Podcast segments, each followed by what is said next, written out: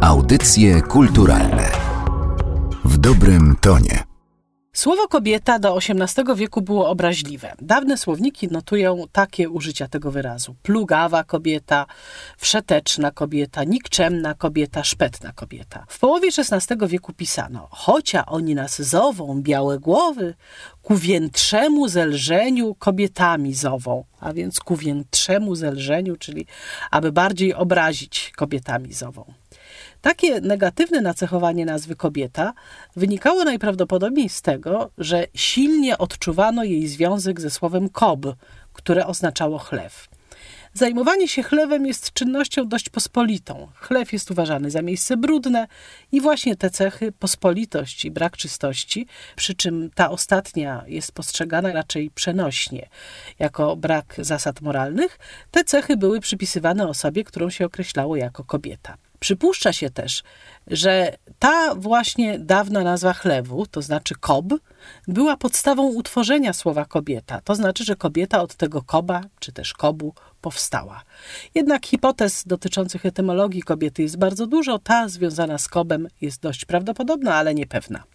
Na pewno jednak kobieta zaczęła tracić swoje negatywne nacechowanie wtedy, gdy zaczął wychodzić z użycia wyraz kob, czyli w XVII wieku.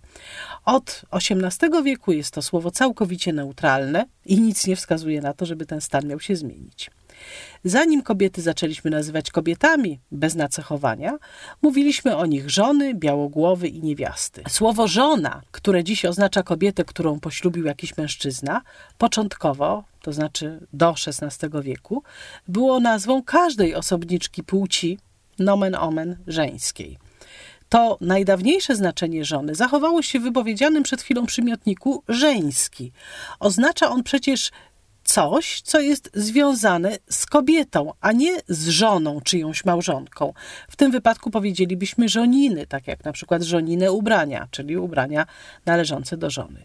Słowo żona powstało od tego samego praindoeuropejskiego, a więc pochodzącego z czasów, gdy nie ukształtowały się jeszcze języki słowiańskie, rdzenia, który występuje w dawnym greckim słowie gine, oznaczającym właśnie kobietę i od tego rdzenia utworzono choćby nazwę ginekologia. Inaczej mówiąc, żona i ginekologia są ze sobą spokrewnione, choć daleko można uznać, że miały wspólnego pra, pra, pra, pra, pra i tych pra można by tutaj powtórzyć więcej, przodka.